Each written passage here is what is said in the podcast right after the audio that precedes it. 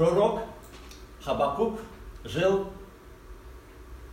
tak mniej więcej 2600 lat temu od, od naszego czasu. Ale jego przesłanie nadal jest zachęcającym dla każdego, kto widzi i doświadcza niesprawiedliwość w swoim otoczeniu. Kto doświadcza cierpienia.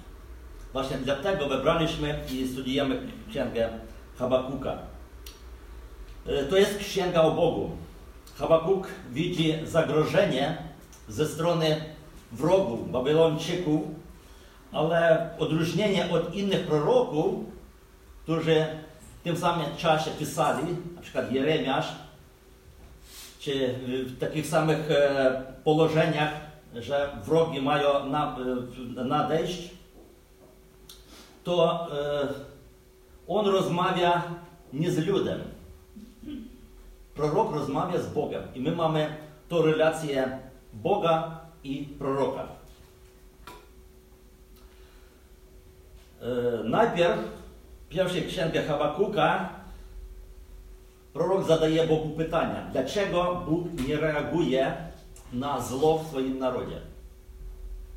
Potem drugi rozdział, też w zeszłą niedzielę czytaliśmy, Bóg odpowiada prorokowi, że zamierza posłużyć się większym złom, takim wrogim narodem, żeby ten napadł na judejski lud.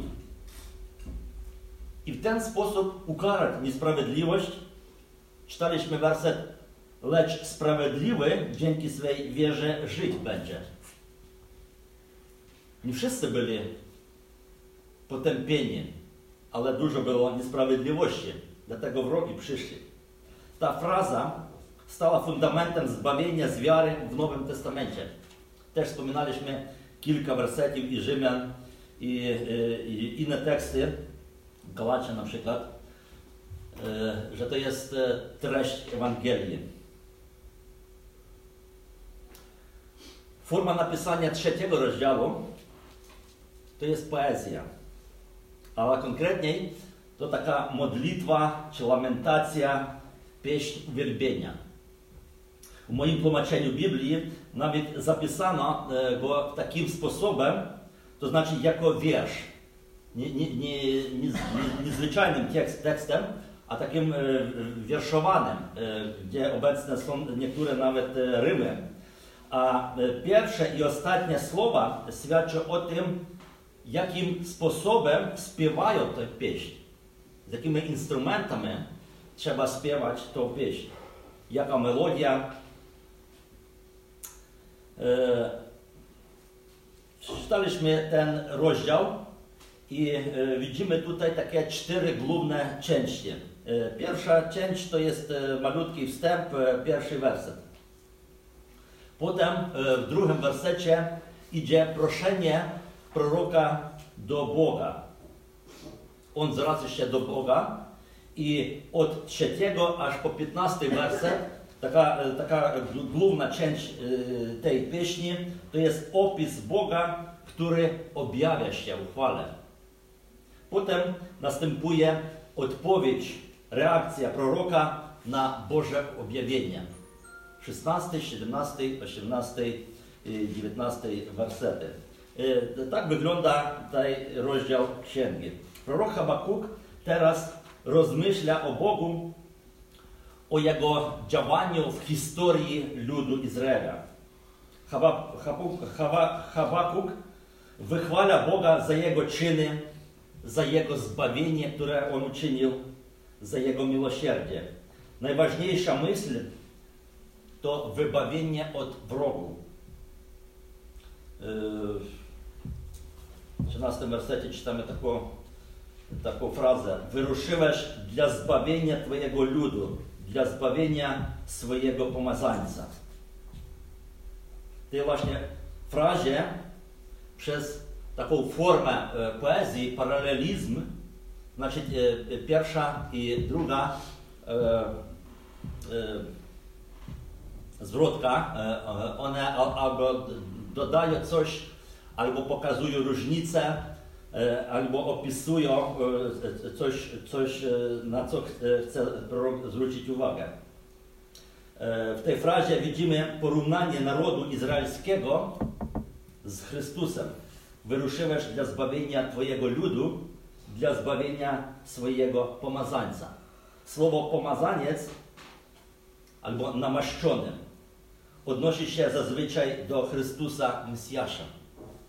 Ale w 13 tym wersecie opisuje to jako Boży lud. Sam lud Boży jest pomazańcem. I Bóg występuje dlatego, żeby uratować Jego. E, drugi werset prawdopodobnie to jest odpowiedź Habakuka na to, co czytaliśmy e, na samym, na samym początku księgi 1.5.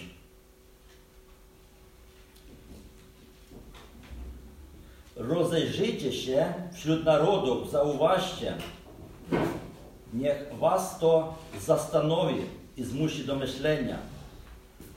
Właśnie za waszych dni dokonuje dzieła. Nie uwierzycie, choć wam je przedstawiam.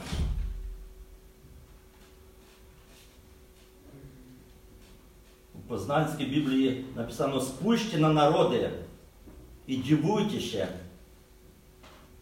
Niech was ogarnie największe zdumienie, bo, bo dokonuje właśnie za waszych dni takie dzieło, że nie uwierzycie.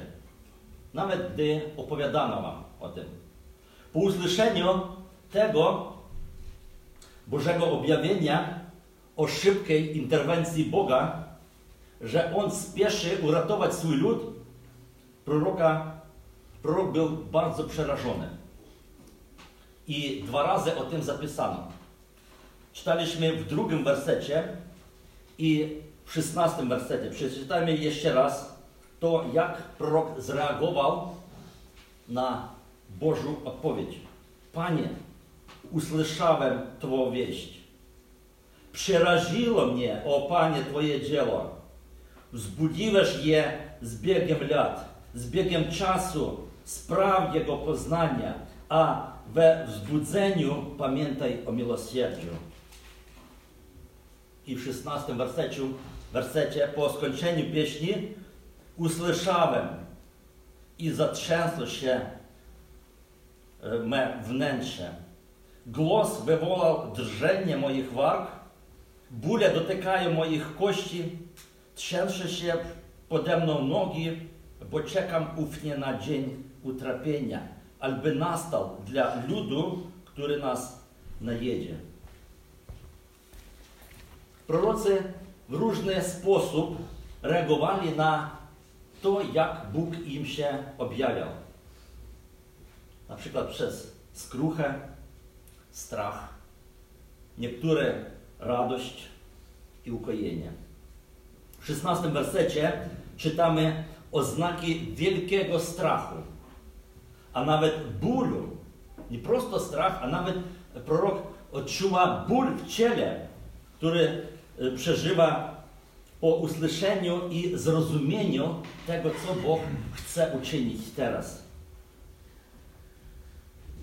Po tym, jak prorok odkrył Boży plan i Boże objawienie, zatrzasło się wnętrze we mnie. Taka cała dróż przeszła po ciału, a nawet nie tylko po ciału, ale on pisze wnętrze wargi zaczęły się drzeć. Czy przeżywaliście kiedykolwiek taki strach? On odczuwał bóle w kościach. Pod nim nogi trzęsły się. Ale ten strach również był zmieszany z jeszcze jednym uczuciem. To jest spokój. Czytamy koniec 16 wersecie bo czekam ufnie na dzień utrapienia, aby nastał dla ludu, który nas najedzie. Strach zmieszany z ukojeniem, ze spokojem. Strach od wielkiego Bożego gniewu i spokój, ponieważ miał twardą nadzieję na Boże miłosierdzie. Ufnie czekam, lecz sprawiedliwy dzięki swej wierze żyć będzie. Myślę, że teraz no jakoś ponownie otwiera się ten werset, jak można wierzyć, jak można żyć i ufać mimo cierpienia i bólu naokoło. Boży strach razem z pokojem to jest opisanie pokorności serca wobec Bożej suwerenności i Bożej rozprawy w przyszłości, że Bóg jest wierny i uczyni swoją sprawiedliwość. Pokorność jest bardzo istotna w doświadczeniu bólu i cierpienia w naszym życiu. Gdy przeżywamy różne sytuacje, szczególnie gdy nie rozumiemy wszystkich odpowiedzi, analizujemy, próbujemy zbadać, szukamy podpowiedzi, pomocy, ale musimy ufnie, cierpliwie czekać na Boga. To jest pokorność. Tak więc drugi werset, prośba o Bożym miłosierdziu, gdy prorok pisze, a we wzbudzeniu pamiętaj o miłosierdziu. A w 16 wersecie oczekiwanie Bożej pomsty i biedy dla agresorów. On pisze, że ufnie będę czekał, aby nastał dla ludu dzień utrapienia, który nas najedzie. On widzi te zło, które jeszcze nie nadeszło, ale ma nadejść za chwilę i czeka już skończenie tego wszystkiego, gdy Bóg objawia się, objawi się i wtrąci się, wtrąci się w tą historię.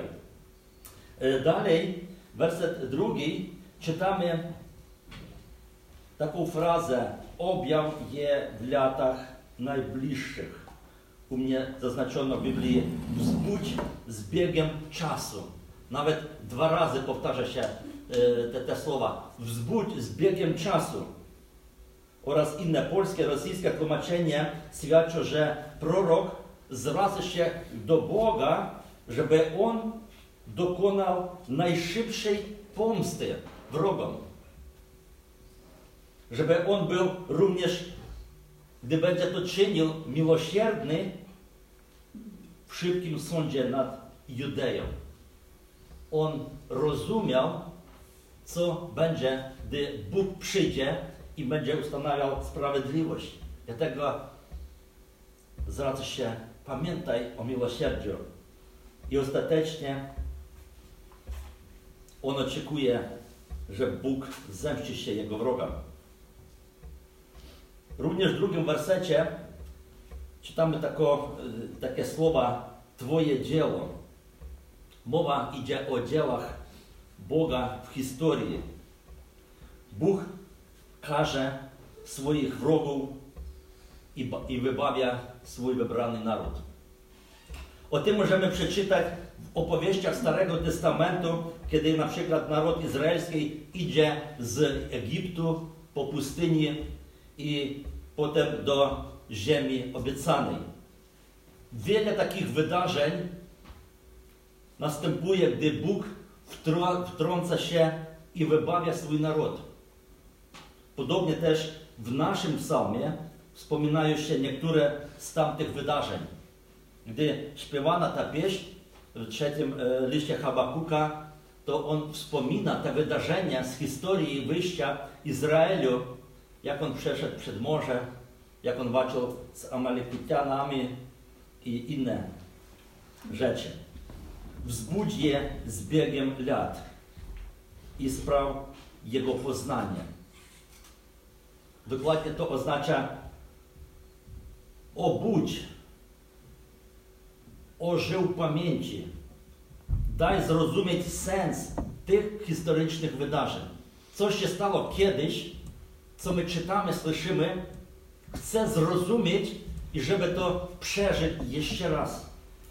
Ja bym powiedział, że prorok teraz ponownie pragnie doświadczyć tego, co się wydarzyło w historii Izraela. A co się wydarzyło? Jak mówiłem, Bóg przychodzi i wybawia swój naród. Spieszy zbawić swoich wybranych i zemścić się wrogom. Wzbudzi je z biegiem lat. Teraz prorok wzywa, żeby Bóg ponownie zastosował swoje dzieło. Twoje dzieło. Zastosował swoje zasady sprawiedliwości wobec wrogów w obecnym czasie. W tym wersecie jest bardzo interesująca rzecz. Jest to zrozumienie tego, jak często działa Bóg. To znaczy, Bóg działa nie od razu.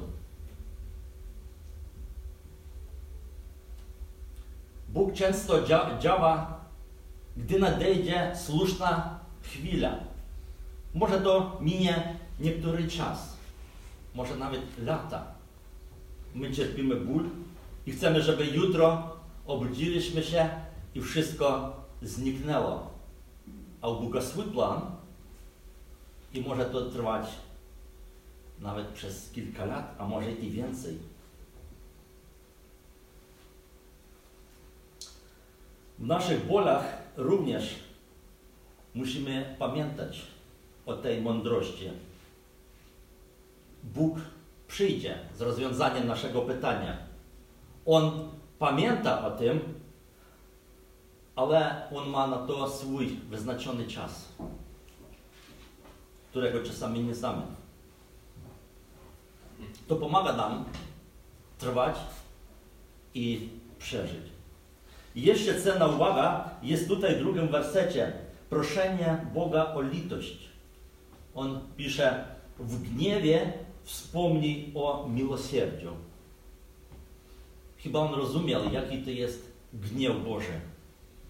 Dlatego mówi, Panie, wspomnij, że jesteś miłosierny, gdy gniewasz się. Gdy wspominamy o Bożym miłosierdziu, to oznacza, że jesteśmy świadomi swojej grzeszności przed Nim. Nie możemy mówić Bogu o Jego miłosierdziu i uważać siebie, że jesteśmy godni tego, żeby Bóg nas e, no, sprawiedliwie sądził. Czujemy się grzeszni. Dlatego wzywamy, bądź miłosierny, przebacz. Prosimy o litość. To są dobre cechy Boga. Bóg jest dobry i litościowy.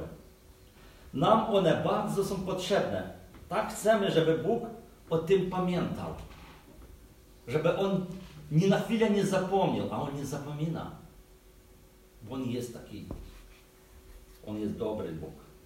Drugi werset jest wspaniałym wyznaniem wiary i ucieszeniem się w Bogu. Gdy nadchodzi ta straszna chwila ukarania za grzech, ustawienia sprawiedliwości w narodzie i prorok będzie obserwować wielki gniew, wielkie potrzęsienie, ale zanim on ufnie czeka, że przyjdzie wybawienie, że przyjdzie skutek tego, to jest Boże miłosierdzie. Jak porównanie można przytoczyć oczekiwania urodzenia się dziecka przez kobietę przy nadziei. Jest trudno i jej może być bardzo ciężko w czasie porodu, ona o tym wie. Czasami kobiety przeżywają wielki strach, nawet przerażenie, myśląc o tym czasie. Rozmawiałem z swoją żoną przed tym, jak powiedzieć ten przykład i wiem, o czym mówię. Ale wielka nadzieja i oczekiwanie nowego życia w naszym tekście to jest zbawienie z wiary, daje ucieszenie w tych chwilowych utrapieniach, które mają nadejść. Wtedy jest takie zmieszane uczucie. Chciałabym, żeby jak najszybciej ten kluczowy dzień przyszedł. Wiem, że to będzie trudne, ale niech będzie szybko. Niech on będzie, no już jutro chce. Tak samo i prorok. Zewnątrz przeżywa przerażenie w obliczu nadchodzących kataklizmów, które nadejdą przez Boże wtrącenie w historię. A wewnątrz on odczuwa spokój i oczekiwanie Bożego zbawienia. Bożej zemsty nad wrogą, które mają nadejść. Pieśń, która e, zapisana e, z 3 po 15 werset, e, to jest e, opis Bożego objawienia uchwale. W tym fragmencie widzimy dużo pięknych takich rzeczy o Bogu. Ten opis jest przedstawieniem Bożej chwały. Czytamy o mnóstwie obrazów, przenośni, symboli. Te różne metafory wzbudzają nasze uczucie, gdy wyobrażamy sobie, jak to wszystko się odbywa. To pomaga nam zrozumieć wielkość i świętość Boga. Wyobraźcie sobie ten widok. Bóg idzie z nieba, spoza chmur. On przechodzi przez góry, przez morza, depcze wroga w jego uzbrojeniu, w jego murach, jego twierdzach. Towarzyszy Bogu blask światła oraz brzmienie otchłani, gromy i błyskawice. Przy tym wszystkim odbywają się wielkie kataklizmy. Na początku zaraza, znaczy pandemia. Potem wojnie, w czasie wojny obserwujemy potężne trzęsienie ziemi, a potem jeszcze pomór. Coś mi to przypomina. Przez to pieśń poznajemy Boga i Jego działania. Poznajemy Boga, Boga jako wojownika. Tu są aluzje do tego, jak Pan Bóg walczy za swój naród przy wyjściu z Egiptu. I przy tym, jak oni zdobywali ziemię obiecaną. Może pamiętacie te wersety, gdzie jest napisane Pan Bóg będzie, Pan Bóg będzie walczył za was, wy bądźcie spokojni. Wspomina się kilku historycznych wydarzeń. Same w tych werseciach w Habakuka 3 przeczytaliśmy takie nazwy Teman, Paran, Gibeon, Dolina Ajaron. To są te historyczne momenty, gdy Bóg walczył za swój naród. Bóg jest wojownik. W czasie wojny Bóg jest właśnie tam. Tam samym, na samym przodzie. Poznajemy Boga jako wszechmocnego władcę. On panuje wszechświatem.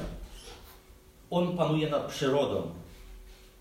I tutaj czytamy, że góry, morze, rzeki, ziemia, niebo, wszystko, wszystko się porusza, zmienia, ponieważ Pan Bóg idzie. Wszystko mu jest posłuszne. On panuje nad tym wszystkim. Poznajemy Boga obecnego z nami przez cały czas historii. Jak wtedy, gdy e, historyczne te różne wydarzenia, naród wychodził i formował się jako Boży naród przez takoż e, momenty, które tutaj są opisane, gdzie nadejdzie Babilon i chce zniszczyć e, państwo izraelskie. I nawet na końcu historii, gdy będziemy oczekiwali, oczekujemy przyjścia Pana. On będzie z nami. On jest z nami obecny. Coś podobnego będziemy mieli w czasach ostatecznych przez powtórnym przyjściem Pana na ziemię. Możliwe, że te czasy już nadchodzą i częściowo je obserwujemy. Widzę dużo takich analogicznych rzeczy. Poznajemy Boga jako sprawiedliwego sędzię. Bóg sprawiedliwie reaguje na nieposłuszeństwo Izraela. Pamiętacie, w pierwszym, w pierwszym rozdziale prorok wzywa, dlaczego milczysz, Panie? Przecież niesprawiedliwości tyle, ale Bóg jest sprawiedliwy sędzia. Bóg również... Dobra? Bóg również w gniewie odpłaca swoim wrogom zniszczeniem. Swoim wrogom, znaczy Boga jest wrogi. A my Jego naród, my Jego lud. To znaczy i naszym wrogom. My jesteśmy Jego własnością, Jego narodem.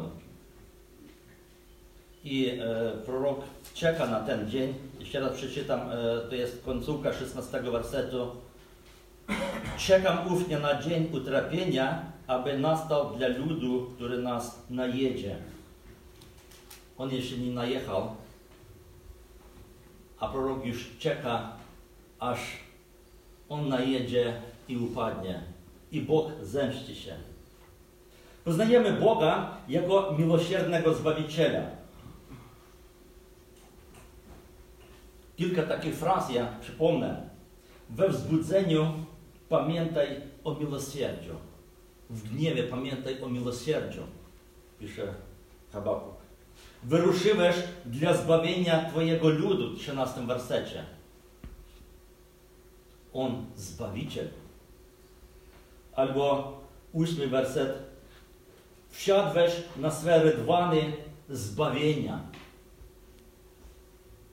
On ma konkretny cel.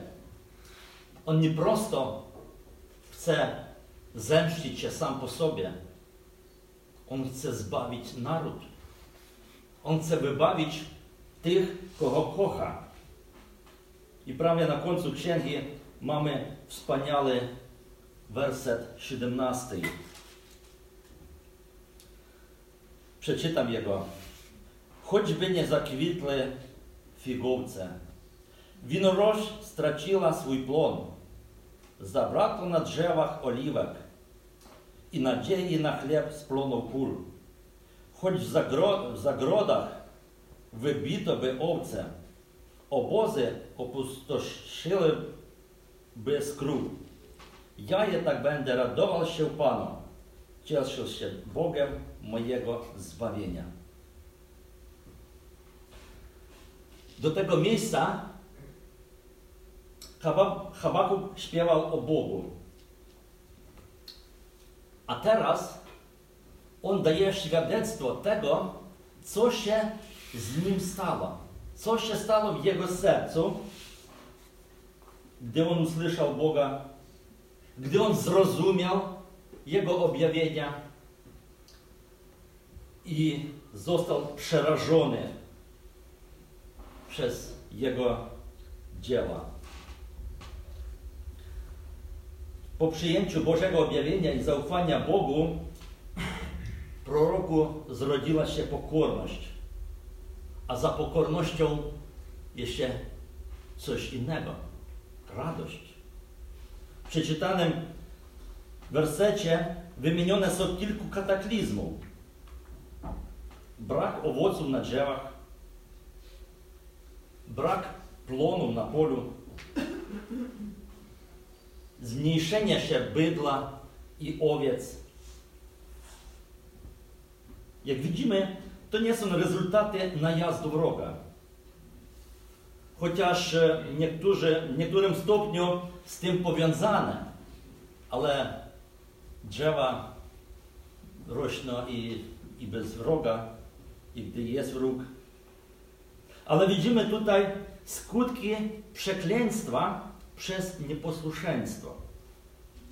Jeżeli zbadać te różne Boże e, przesłania, które były w Starym Testamencie o tym, jak Bóg wskazuje, żeby zachowywał się Jego lud, kiedy On będzie Jego błogosławił, a kiedy przeklinał. To przez nieposłuszeństwo właśnie następują takie skutki.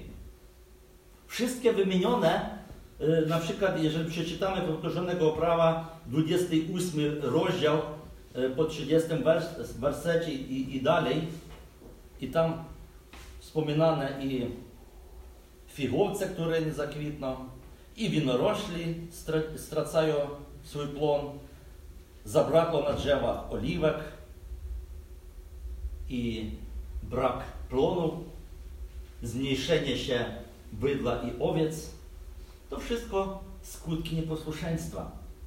I to ma nadejść na naród. W pierwszym rozdziale widzimy odstępstwo Judy od Boga. A teraz jest skutek tego, co się z nim stanie. To jest Boży gniew. Bóg syła pokaranie, pokaranie za grzech. A my umie, umiejmy to przyjmować z pokorą w sercu. Czasami my mamy trudności związane właśnie z naszym grzechem. To są skutki naszego postępowania w przeszłości.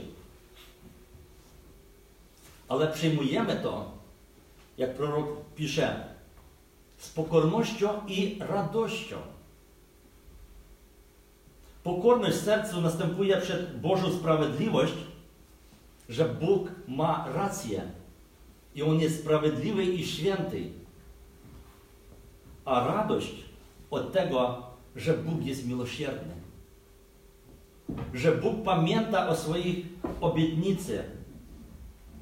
Że On jest Zbawca. Habakuk więc zaczął, zaczął się radować. Nawet więcej. On deklaruje, że będę się radował w Panu, cieszył Bogiem mojego zbawienia, nawet w dni kleski i utrapienia. Nawet gdy wszystkiego tego nie stanie, on będzie obserwował te spustoszenie i co on będzie robił? Będzie cieszył się w Panu. To jest takie uczucie, które bardzo często związano tylko z Bogiem.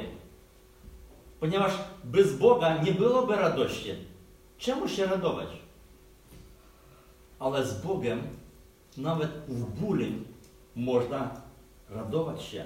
To opis prawdziwej radości wiary. Życie z wiary. To właśnie jest życie wiarą czas niedoli. Wyraz uczynił moje nogi jak uwani opisuje przelew nowych sił i lekkości w ciele, którą doświadcza człowiek w czasie ulgi i nadziei. Wiecie, przez cały tydzień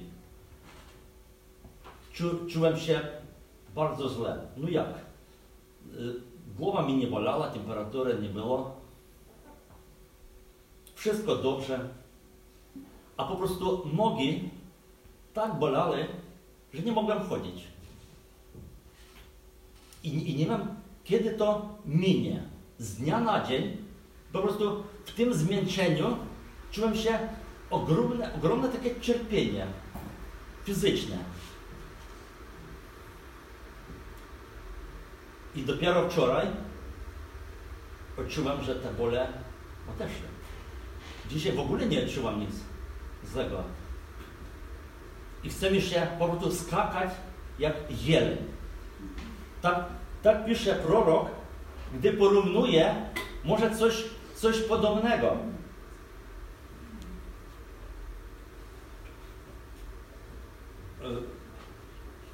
To jest przelew nowych sił i lekkość. można jeszcze porównać.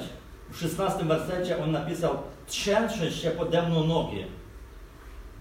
On, on ze strachu po prostu nie mógł chodzić, nie mógł poruszać się, a w 19 wersecie on pisze, moje nogi jak u lani, a teraz on skacze po górach. Coś się zmieniło, prawda? Nie w nogach problem. Tutaj chodzi o co on przeżywa, jakie uczucie. W taki sposób język literacki działa na nasze emocje. Bez porównania tego trudno opowiedzieć, co człowiek przeżywa. On był pewny, że los jego ludu w rękach Pana. Na tyle pewny, że on zaczął skakać jak jeleń. Że Pan kieruje historią świata. Że On jest miłosierny do swoich wybranych. Że On nie pozostawi wiernych, sprawiedliwych. Każdy sprawiedliwy z wiary żyć będzie. Nawet stracenie ziemskich dóbr nie przyczyni jemu upadku na duchu. Nawet głód czy jakaś pandemia nie sprzyczynia, że zmniejszy się radowanie się Panu. Takim sposobem nastrój lamentu na początku księgi, na początku e, tego rozdziału zmienia się na radość w końcu. Skąd, powiemy, bierze się taka radość w czasie bólu i cierpienia? Nie wszyscy ludzie przeżywają radość, gdy mają, gdy doświadczają bóle. W kilku słowach przypomnę o tym, co pastor mówił na temat zaufania Bogu i Bożych obietnic. Właśnie one są narzędziami przeciwko strachu i zwątpieniu. To są takie dwa wrogi, strach i zwątpienie, które przeszkadzają nam radować się. Ale my mamy obietnicę Boże. My mamy zaufanie do Pana. Śpiewaliśmy wtedy pieśń dzień po dniu. Pamiętacie tam takie słowa? Obietnica Jego strachu suwa. Z każdym dniem umocnie siły Twe. Właśnie tam wyjście. Radość jest Bożym darem. Nie możemy zmusić siebie radować się, do radowania się. To jest dar Boży, tak samo jak miłość. Radość jest efektem zaufania Bogu. Radość jest wynikiem uwierzenia w Boże zapisane obietnice, które powtarzamy, czytamy i przypominamy sobie. Werset 18 akurat zwraca uwagę na argument radości. Ja jednak będę radował się Panu, cieszył Bogiem mojego zbawienia. W Panu nasza radość, w Bogu nasze zbawienie. Bez Niego niemożliwe być radosnym w takiej chwili. Kiedy jakieś ziemskie e, ucieszenie mamy, wtedy dobrze radować się, każdy potrafi. A w bólu może radować się tylko ten, ten, który ma Pana, który ufa Jemu. Stąd wyciągamy dla siebie dobry wniosek z tego całego rozdziału trzeciego. Ten, kto całkowicie ufa Bogu, może cieszyć się i być, być szczęśliwy nawet w ciężkie chwile życia. Nawet takie chwile można być szczęśliwy temu, kto ufa Bogu. Kończąc rozważania nad księgą Habakuka, e, wyciągnijmy dla siebie jeszcze kilka takich ogólnych wniosków, e, ponieważ już skończyliśmy e, w całości tą księgę i mamy takie cztery, cztery rzeczy, na, na które chcę zrobić akcent. Pierwszy wniosek to o Bogu. Bóg jest suwerenny, sprawiedliwy, On jest władca wszechświata. On też przedstawiony jako Bóg miłosierny. Bóg zbawienia swojego narodu. Szczególnie o tym czytaliśmy w trzecim rozdziale. Właśnie o Bogu. Również i o nas. W kontekście grzechu i niesprawiedliwości my możemy przyjść do Boga i możemy otwarcie z Nim rozmawiać. My możemy zadawać Bogu pytania, trudne pytania. My możemy reagować na Boże odpowiedzi, szczerze reagować. Najbardziej właściwą reakcją z naszej strony to będzie wiara i zaufanie tego, co Pan Bóg nam objawi. Również mówiliśmy o pokornym oczekiwaniu i radości nadziei. Też wyciągamy wniosek o historii świata. My nie możemy wszystkiego zrozumieć od razu. Są rzeczy, które od nas, przed nami zamknięte. Albo potrzebujemy czasu i badania Bożego Słowa, żeby zrozumieć od czego i do czego. W nim, w Bożym Słowie, są zawarte obietnice, spisane proroctwa oraz wiele zachęcających przykładów Bożego działania na przestrzeniach historii czasu. Wszystkie odpowiedzi no, znajdziemy w wieczności. Na pewno będziemy wiedzieli, która dla nas jest i pocieszeniem, i spełnieniem naszych pragnień. Wieczność zawsze będzie oczekiwaną i tym rozwiązaniem, które w przyszłości. No i jeszcze uznaliśmy o Chrystusie. Na pewno ta księga wskazuje na Chrystusa. W nim wypełnione zostały proroctwa o pomazańcu, o którym wspominaliśmy. O wierze dla zbawienia. Wierzymy w Chrystusa, żeby być zbawionym nie przez nasze dobre uczynki, a przez to, co uczynił Chrystus. Jego ofiara to jest największa niesprawiedliwość, która odbyła się na ziemi. On, święty, umiera za grzech. O miłosierdziu, o niesprawiedliwej ofierze za grzech. To wszystko nam Chrystus przedstawia, którym jest sednem naszego zbawienia. Niech naszemu Bogu będzie chwała na wieki wieczne. Amen.